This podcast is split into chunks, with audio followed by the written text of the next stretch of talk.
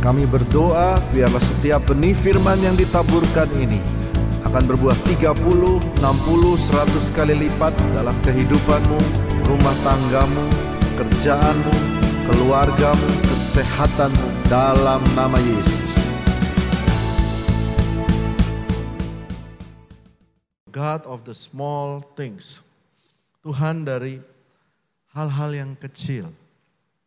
Mengenal Tuhan bahwa Tuhan itu suka sama hal-hal yang kecil. Mari kita lihat yang pertama, Tuhan tidak meremehkan hal kecil. Kata murid-muridnya kepadanya, mari kita baca sama-sama. Kata murid-muridnya kepadanya, bagaimana di tempat sunyi ini kita mendapat roti untuk mengenyangkan orang banyak yang begitu besar jumlahnya. Yang artinya ada masalah, ada kebutuhan besar,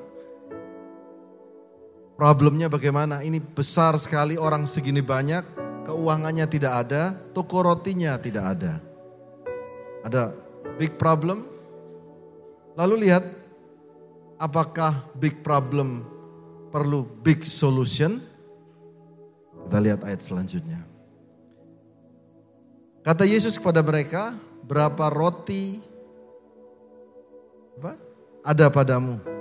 Tujuh jawab mereka. Dan ada lagi, baca saudara, beberapa ikan kecil. Lihat saudara, jawab mereka, kita cuma punya ikan kecil ini. Saudara lihat ada gambar di sebelah kanan saudara. Sebelah kanan saudara, ada ikan kecil.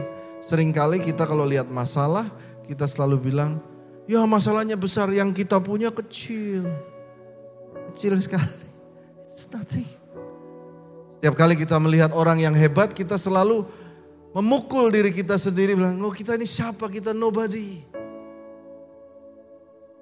Tuhan gak pernah gitu loh, kita lihat ya. Jawab mereka, ada beberapa ikan kecil, lalu Yesus menyuruh orang banyak itu duduk di tanah.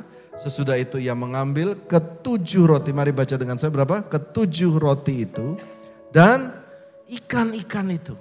Saudara lihat di tangan Tuhan kata kecilnya hilang. It's disappear. Tadi kan dia bilang ini ikan kecil Tuhan. Ini, kecil Tuhan. Tapi waktu Tuhan terima, kata kecil tadi hilang. Kenapa? Karena Tuhan lihat kita apa adanya. Dia nggak lihat Anda sederhana, yang penting Anda taat sama Tuhan, mau rajin. Saudara mencoba untuk berjuang demi keluarga, it's enough buat Tuhan. Dia bisa pakai itu. Hilang kata kecilnya. Berikan tepuk tangan buat Tuhan Yesus. Lalu dia mengucap syukur, memecah-mecahkan, memberikannya pula kepada orang-orang banyak. Dan semua makan, masalah selesai, plus ada sisanya. Jadi masalah yang besar tadi ternyata selesai dengan hal kecil. Jadi Tuhan tidak meremehkan hal yang kecil. Katakan amin. Small things. Hal kecil. Saya kita lihat ayat selanjutnya. Satu waktu Tuhan berkata ada sebuah rahasia. Saudara mau tahu ada sebuah rahasia di Alkitab tentang rahasia doa? Rahasia doa dijawab Tuhan jalan tol. Mari kita baca. Karena itu Aku berkata kepadamu, apa saja yang kamu minta dan doakan, percayalah bahwa hal itu kamu telah menerimanya, maka hal itu akan diberikan kepadamu. Ini ada ayat menarik. Percaya hal itu sudah engkau terima dan hal itu akan diberikan kepadamu. Sebelumnya Tuhan Yesus bilang kepada pohon ara, hei kamu gak berbuah, kering kamu. Dan seketika itu juga keringlah pohon ara itu. Lalu muridnya bingung, Kok sakti bener ya Tuhan Yesus? Dan Tuhan Yesus bilang, kalau kamu punya iman, kamu bisa geser gunung ini. Lalu dia jawab begini, apa yang kamu minta dan doakan, percaya kamu akan menerimanya. Maka hal itu akan diberikan kepadamu. Katakan amin. Tapi enggak, enggak semua kejadian begitu kan? Lalu Tuhan ingat, dia kasih rahasianya. Eh, Ayat 25 baca sama saya. Dan jika kamu berdiri untuk berdoa. Tuhan Yesus bilang, eh saya lupa mau ngomong rahasianya. Ampuni dulu sekiranya. Baca sama saya. Ada barang sesuatu dalam hatimu terhadap seseorang. Supaya Bapakmu di surga mengampuni kesalahan-kesalahanmu. Terus lihat terus ya, tetapi jika kamu tidak mengampuni, Bapakmu di surga tidak mengampuni kesalahan-kesalahanmu. Jadi dia bilang begini, kamu akan bisa mendapat hal-hal yang besar dari doamu itu. Jalan tol. Tetapi ingat ya, ingat. Kamu harus mengampuni dulu. Mengampuni itu hal kecil. Kecil. Karena mengampuni itu perkara hati. It's a small thing. Ampuni. Nah ampuni. Sampai dua kali dia ngomong. Kalau Pak Didik mungkin kalau kasih perintah ke anak buah. Dua kali itu berarti penting ya Pak ya. It must be important. Dua kali dikatakan ampuni. Ampuni. Karena kalau kamu nggak ampuni jalan tolnya kehambat. Hari ini saya percaya firman ini ada buat beberapa di antara saudara. Firman Tuhan mau titip pesan, ampuni. Ampuni. Let go. Katakan amin. Kemarin siapa yang mengalami macet di Jakarta? Ada yang macet? Oh ada beberapa. Ya Bu Erna macet ya? Ada apa ya kenapa macet? Sampai beberapa jam, lima jam. Ada yang tahu kenapa penyebabnya? Ya? KTT ASEAN? Enggak. Ada berita Jakarta Info. Ada truk terbalik. Di mana? Di depan tol Cijantung. Itu saudara lihat di Instagram. Ada tol terbalik. Satu Jakarta macet semua. Nah, truknya punyanya WL tadi. Serius punyanya, punyanya WL tadi. Itu jadi satu Jakarta macet semua karena satu ganjalan di jalan tol. Satu buah truk. Hari ini firman Tuhan bilang, kalau saudara ada yang macet, ampuni. Pak, ampuni. Oh pak, saya nggak saya nggak punya sakit hati sama orang lain. Ada yang dalam loh saudara. Saudara harus juga bisa mengampuni diri saudara. Banyak di antara kita menyalahkan diri terus. Hei, Forgive yourself, ampuni dirimu. It's okay kata Tuhan, melangkah lagi. Amin. Hal kecil mengampuni. Enam bulan yang lalu saya ke dokter jantung. Pak, dokter jantung bilang, Pak, Bapak ini gemuk sekali Pak, 100 kilo lebih waktu itu. Dokter jantung bilang, kurangi satu hal kecil saja. Apa itu?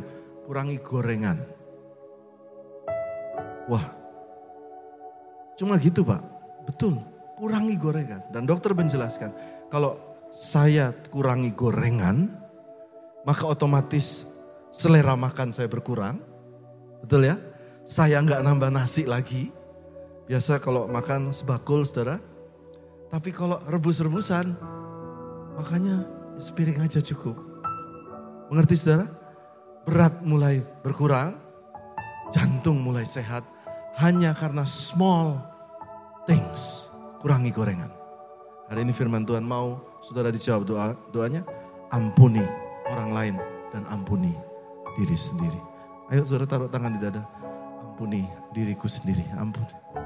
Amin. Lega saudara. Oke kita lanjut masuk ke poin kedua.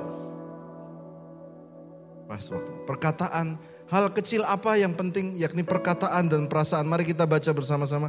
Perkataan dan perasaan. Satu, dua, tiga perkataan, dan perasaan. Ayo kita lihat ayatnya.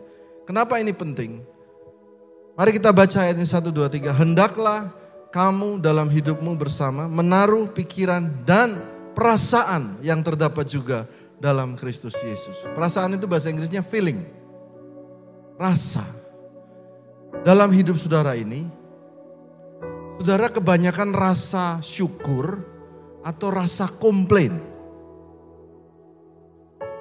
Ayo mulai kita punya rasa yang baik, good vibes, rasa yang positif, good vibes. Jangan punya perasaan yang selalu komplain. Saya sering dimasakin istri saya terus dia marah ya akhirnya ya. Dia masakin istri saya. Setiap kali dimasakin selalu aja ada yang kurang buat saya. Ada kurang, ini kurang pakai ayam nih, ini kurang pakai telur nih, ini kurang pakai daging nih, ini kurang pakai sayur.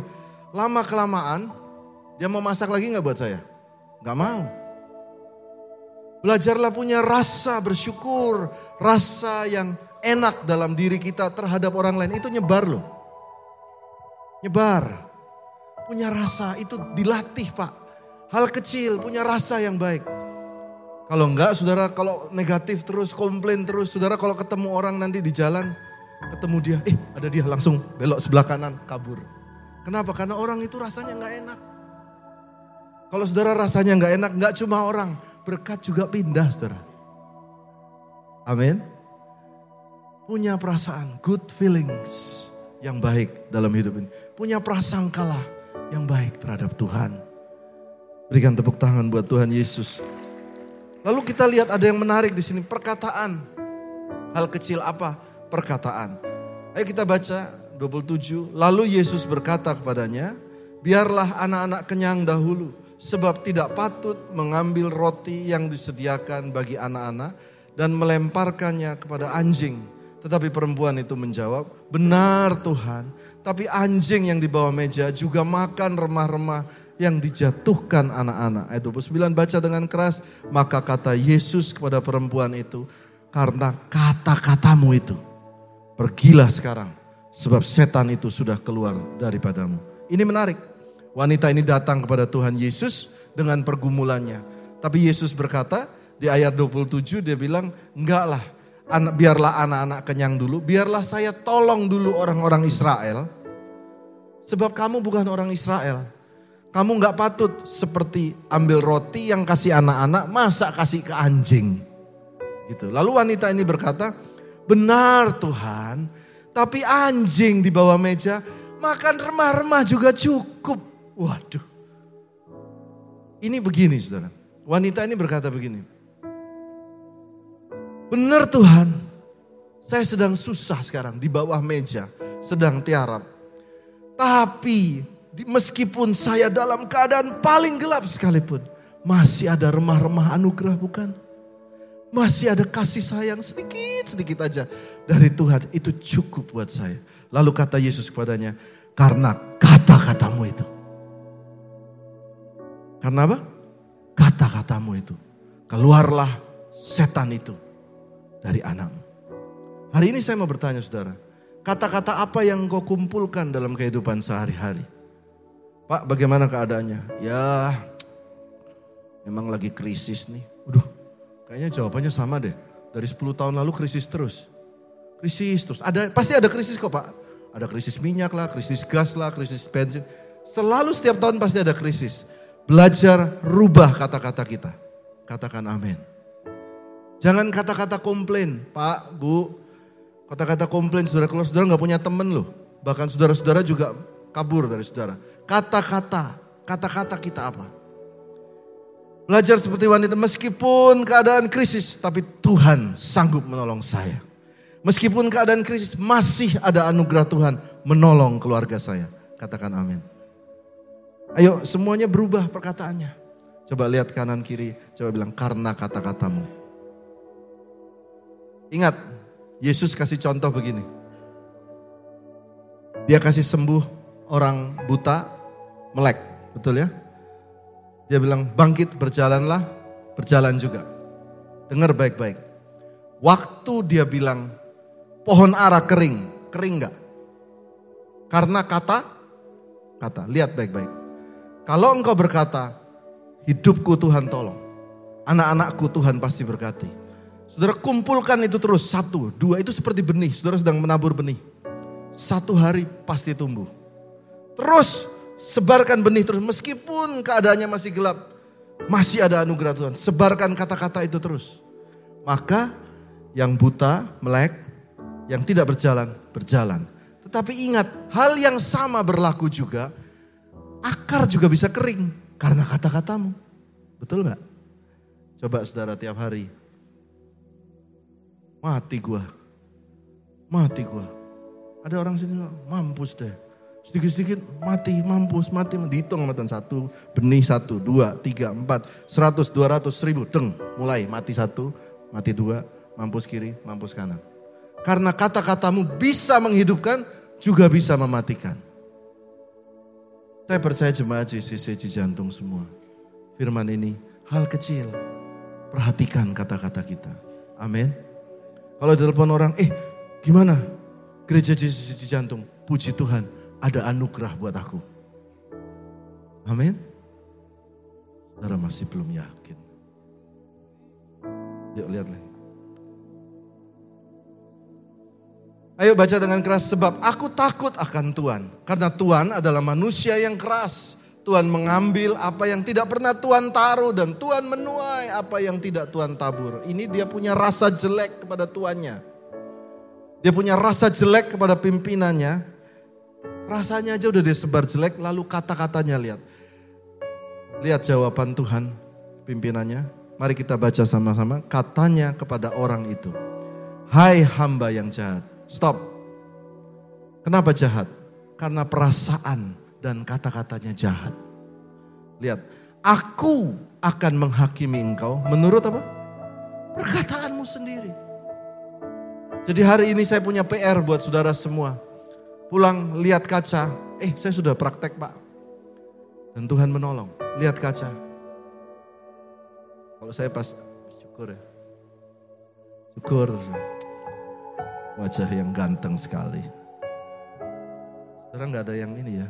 Saudara lihat kaca loh. Kau diberkati Tuhan. You have a face of a blessings. Katakan seperti itu. You are blessed. Keluargamu diberkati. Tuhan pasti tolong kau hari ini. Itu pelan-pelan taburan saudara. Kau akan menuai. Karena kata, katamu itu. Nah, saya mau lanjut, saya harap saya masih punya tiga menit. Mari kita lihat. Saya undang tim tim musik.